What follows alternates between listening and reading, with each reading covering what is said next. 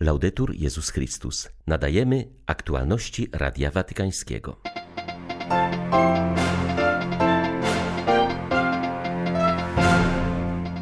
W rozważaniu po modlitwie Anioł Pański papież Franciszek potępił porwanie 317 dziewcząt ze szkoły w Nigerii i wezwał do modlitwy w ich intencji. Z okazji obchodzonego dziś Światowego Dnia Chorób Rzadkich kardynał Peter Tarkson wezwał rządzących i instytucje zajmujące się opieką zdrowotną do hojnego dzielenia się wiedzą i do współpracy międzynarodowej mającej na celu pomoc cierpiącym. Kościół w Polsce przeżywa dziś dzień modlitwy, postu i solidarności z misjonarzami, znany jako niedziela Ad Gentes. 28 lutego witają Państwa Łukasz Sośniak i ksiądz Krzysztof Ołdakowski. Zapraszamy na serwis informacyjny. W rozważaniu przed modlitwą Anioł Pański papież zwrócił uwagę, że druga niedziela Wielkiego Postu zaprasza nas, byśmy przyjrzeli się przemienieniu Jezusa na górze w obecności trzech jego uczniów.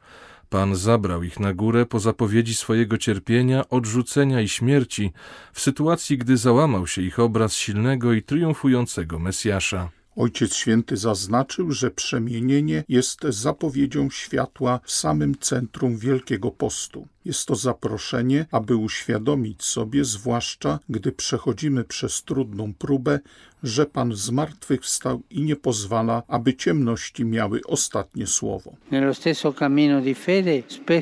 Na drodze wiary często się gubimy, napotykając zgorszenie krzyża i wymagania Ewangelii, która żąda od nas, abyśmy poświęcili nasze życie na służbie i utracili je w miłości, zamiast zachowywać i bronić go dla samych siebie. Potrzebujemy więc innego spojrzenia, światła, które dogłębnie oświetla tajemnice życia i pomaga nam wyjść poza nasze schematy i poza kryteria tego świata. Także i my jesteśmy powołani, aby wejść na górę, aby podziwiać piękno zmartwychwstałego, który zapala promienie światła w każdej chwili naszego życia i pomaga nam interpretować historię w oparciu o zwycięstwo paschalne. Franciszek zwrócił uwagę, że poczucie, iż dobrze nam tu być w obecności Pana, nie może prowadzić do duchowego lenistwa. Nie możemy pozostać na górze i cieszyć się szczęściem tego spotkania w samotności. Jezus sam sprowadza nas z powrotem w doliny, między naszych braci i siostry do codziennego życia. Musimy wystrzegać się duchowego lenistwa. Jest nam dobrze z naszymi modlitwami i liturgią i to nam wystarczy. Nie. Wspinanie się na górę nie oznacza zapominania o rzeczywistości. Modlitwa nie oznacza nigdy uchylania się od trudów życia. Światło wiary nie służy pięknym duchowym wzruszeniom. Nie, to nie jest orędzie Jezusa. Jesteśmy wezwani do przeżywania spotkania z Chrystusem, abyśmy oświeceni Jego światłem mogli je nieść i sprawiać, by wszędzie jaśniało. Zapalać małe światełka w sercach ludzi, być małymi lampkami Ewangelii, które niosą odrobinę miłości i nadziei. Oto misja chrześcijanina. Questa è la missione del cristiano. Papież przyłączył się do głosu biskupów Nigerii potępiających podstępne porwanie 317 dziewcząt ze szkoły w Yangebe w północno-zachodniej części kraju. Wezwał do modlitwy w ich intencji, aby wkrótce mogły wrócić do domów. Zapewnił o swojej bliskości wobec rodzin i uprowadzonych. Ojciec Święty przypomniał, że dzisiaj jest obchodzony Światowy Dzień Chorób Rzadkich. Pozdrawiam przybyłych na plac członków niektórych stowarzyszeń zaangażowanych w tej dziedzinie. W przypadku chorób rzadkich bardziej niż kiedykolwiek ważna jest wspierana przez te stowarzyszenia sieć solidarności między członkami rodzin. Pomaga ona, by nie czuć się osamotnionymi, a także w wymianie doświadczeń i rad. Zachęcam do podejmowania inicjatyw wspierających badania naukowe i leczenie, a także wyrażam swoją bliskość z chorymi, zwłaszcza dziećmi i ich rodzinami. Być blisko chorych dzieci, tych cierpiących dzieci, modlić się za nie, pozwolić im doświadczyć serdecznej miłości Boga, czułości, troszczyć się o dzieci z modlitwą, także kiedy dotykają je choroby, o których nie wiadomo czym są lub kiedy prognozy są niekorzystne.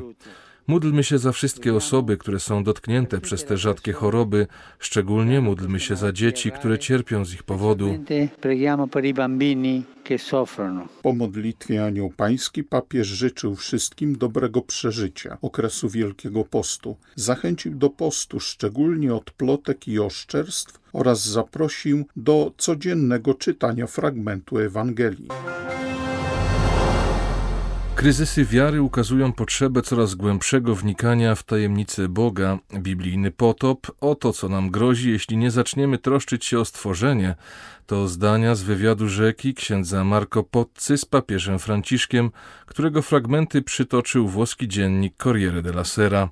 Jej tytuł brzmi Wady i cnoty. Do księgarni trafi 2 marca. Franciszek zatrzymuje się nad gniewem Bożym i przypomina, że jest on skierowany przeciwko złu, ale nie temu, które pochodzi z ludzkiej słabości, ale z inspiracji szatańskiej. Wskazuje, że gniew Boży ma na celu zaprowadzenie sprawiedliwości, oczyszczenie. Mówiąc o roztropności, papież wyjaśnia, że jest ona cnotą rządzenia. Kto rządzi bez roztropności, rządzi źle i robi złe rzeczy, podejmuje błędne decyzje, które zawsze niszczą ludzi. Wreszcie Franciszek mówi o wierze wystawionej na próbę przez wątpliwości. Zauważa, że wiara bez wątpliwości nie rozwija się. Pomyślmy, że bycie opuszczonym przez Boga stało się doświadczeniem wiary, które miało wielu świętych, ale także jest udziałem wielu ludzi dzisiaj, kiedy czują się pozostawieni przez Boga, ale nie tracą przy tym wiary i strzegą daru wiary, podkreśla Franciszek i dodaje, że chrześcijanowi, który nigdy nie przeszedł przez ten stan duszy, czegoś brakuje. Papież zauważa, że kryzysy wiary nie są przejawami jej braku. Przeciwnie, ujawniają one potrzebę i pragnienie, aby coraz bardziej zagłębiać się w tajemnice Boga. Wiara bez tych prób każe mi wątpić, czy jest to wiara prawdziwa, podkreśla Ojciec Święty. Z okazji obchodzonego dziś Światowego Dnia Chorób Rzadkich kardynał Peter Tarkson opublikował przesłanie, w którym wzywa polityków i instytucje do zapewnienia takiej opieki zdrowotnej, która nie zapomina o najsłabszych i nikogo nie pozostawia w tyle. Prefekt watykańskiej dykasterii do spraw integralnego rozwoju człowieka zachęca do hojnego dzielenia się wiedzą i współpracy międzynarodowej. Do chorób rzadkich zalicza się obecnie ponad 6 tysięcy schorzeń. Większość z nich ma podłoże genetyczne i zaczyna się w dzieciństwie. Rzadkie choroby są często lekceważone z powodu niewystarczającej wiedzy medycznej, która utrudnia szybkie postawienie diagnozy. Konsekwencji mija bardzo wiele czasu, zanim chory otrzyma pomoc.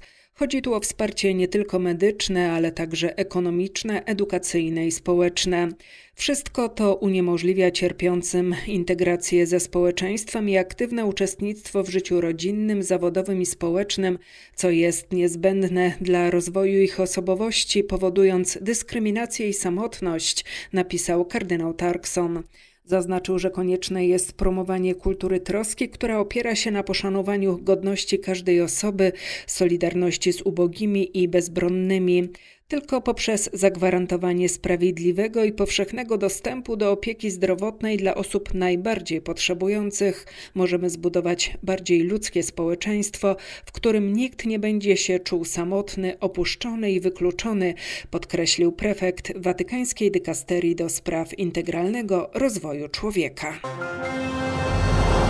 Z cierpienia afrykańskich kobiet zrodził się pionierski projekt Bezpieczna Mama. Realizowany będzie w Republice Środkowoafrykańskiej. Chcemy, aby afrykańskie kobiety mogły godnie rodzić, a ich dzieci nie umierały zaraz po przyjściu na świat, mówi Izabela Cywa, która przez kilka lat zarządzała misyjnym szpitalem i pomagała budować studnie w najbiedniejszych regionach tego kraju. Republika Środkowoafrykańska znajduje się na czele najuboższych państw świata od lat targana jest kolejnymi konfliktami. Negatywnie przekłada się to również na system opieki. Zaledwie 6% położnych ma jakiekolwiek wykształcenie medyczne. Śmiertelność okołoporodowa jest tam jedną z najwyższych na świecie, mówi Radiu Watykańskiemu Izabela Cywa. Projekt powstał z myślą o kobietach, które niewiarygodnie cierpią w Republice Środkowoafrykańskiej Rodzą w niesamowicie trudnych warunkach. W tamtejszych ośrodkach zdrowia brakuje prądu i wody. W niektórych łóżka porodowe są jeszcze drewniane, nie ma w nich ani lekarza, ani wyspecjalizowanego personelu. Pracują tylko przyuczeni ludzie, którzy jedynie potrafią pisać i czytać. Realizowany w tych 24 ośrodkach projekt Bezpieczna Mama kładzie nacisk na edukację położnych jego innowacyjność polega na tym, że dzięki pomocy polskich ginekologów, położnych czy położników nagraliśmy serię fantastycznych filmów edukacyjnych, które przetłumaczono na język francuski i lokalny język sango. I dzięki tym filmom wyszkolona przez nas położna będzie prowadziła szkolenia z położnymi pracującymi w tych 24 ośrodkach zdrowia. Zakupimy też podstawowy sprzęt. Wiele zgonów okołoporodowych jest na przykład przez brudne nitki, którymi zawiązuje się pępowinę po porodzie. Zaczynamy od naprawdę małych rzeczy i podstawowego sprzętu, który naprawdę ratuje życie. A taki zacisk do pępowiny kosztuje tylko 5 groszy, a ma tak wielką wagę. Od początku pandemii hiszpańskie diecezje ściśle współpracują z władzami sanitarnymi w walce z wirusem. Oferują budynki, łóżka i personel.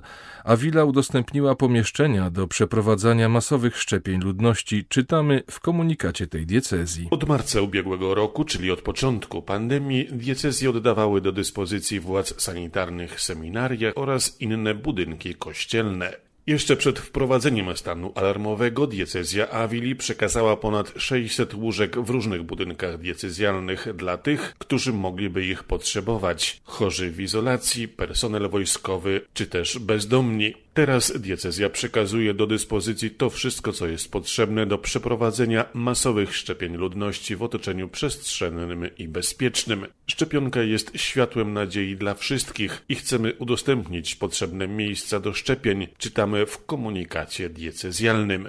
Miejscowy ordynariusz, biskup Jose Maria Gil Tamayo, który sam spędził kilka tygodni w stanie ciężkim zarażony wirusem, zachęca wszystkich do połączenia sił i pracy na rzecz dobra wspólnego. Kościół diecezjalny oferuje całkowitą współpracę z kompetentnymi władzami, aby wesprzeć proces szczepień. Jednocześnie podkreśla, że Kościół pomaga także tym, którzy cierpią ekonomicznie z powodu pandemii. Tylko w diecezji z pomocy Caritas korzysta ponad tysiąc rodzin. Z Madrytu dla Radia Watykańskiego ojciec Marek Raczkiewicz, redemptorysta.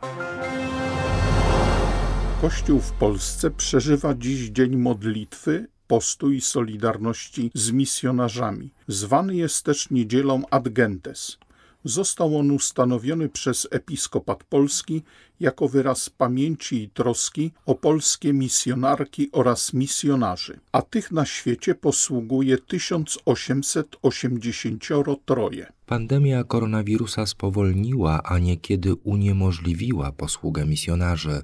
Jednak, jak mówi ojciec Kazimierz Szymczycha, sekretarz Komisji Episkopatu Polski do spraw misji, misjonarze pozostali na swoich placówkach. Są tam, aby rzeczywiście dzięki darom z Polski, dzięki akcji dzieła Adgentes pomagać tym, którzy potrzebują tej pomocy. Szczególnie chodzi o środki higieniczne, płyny do dezynfekcji, a szczególnie jest to czas głodu. Myślę, że kupują żywność, aby żywić tych ludzi. Oni nie są w stanie pójść na pole, żeby uprawiać ziemię, nie są w stanie czasem umyć sobie rąk, bo nie mają w tych swoich chatkach, a więc misjonarz stara się zapewnić im te podstawowe środki bytowania. We wszystkich wspólnotach parafialnych w Polsce trwa dziś modlitwa za misję i za polskich misjonarzy. Zbierane są też ofiary, które przeznaczone są na fundusz misyjny.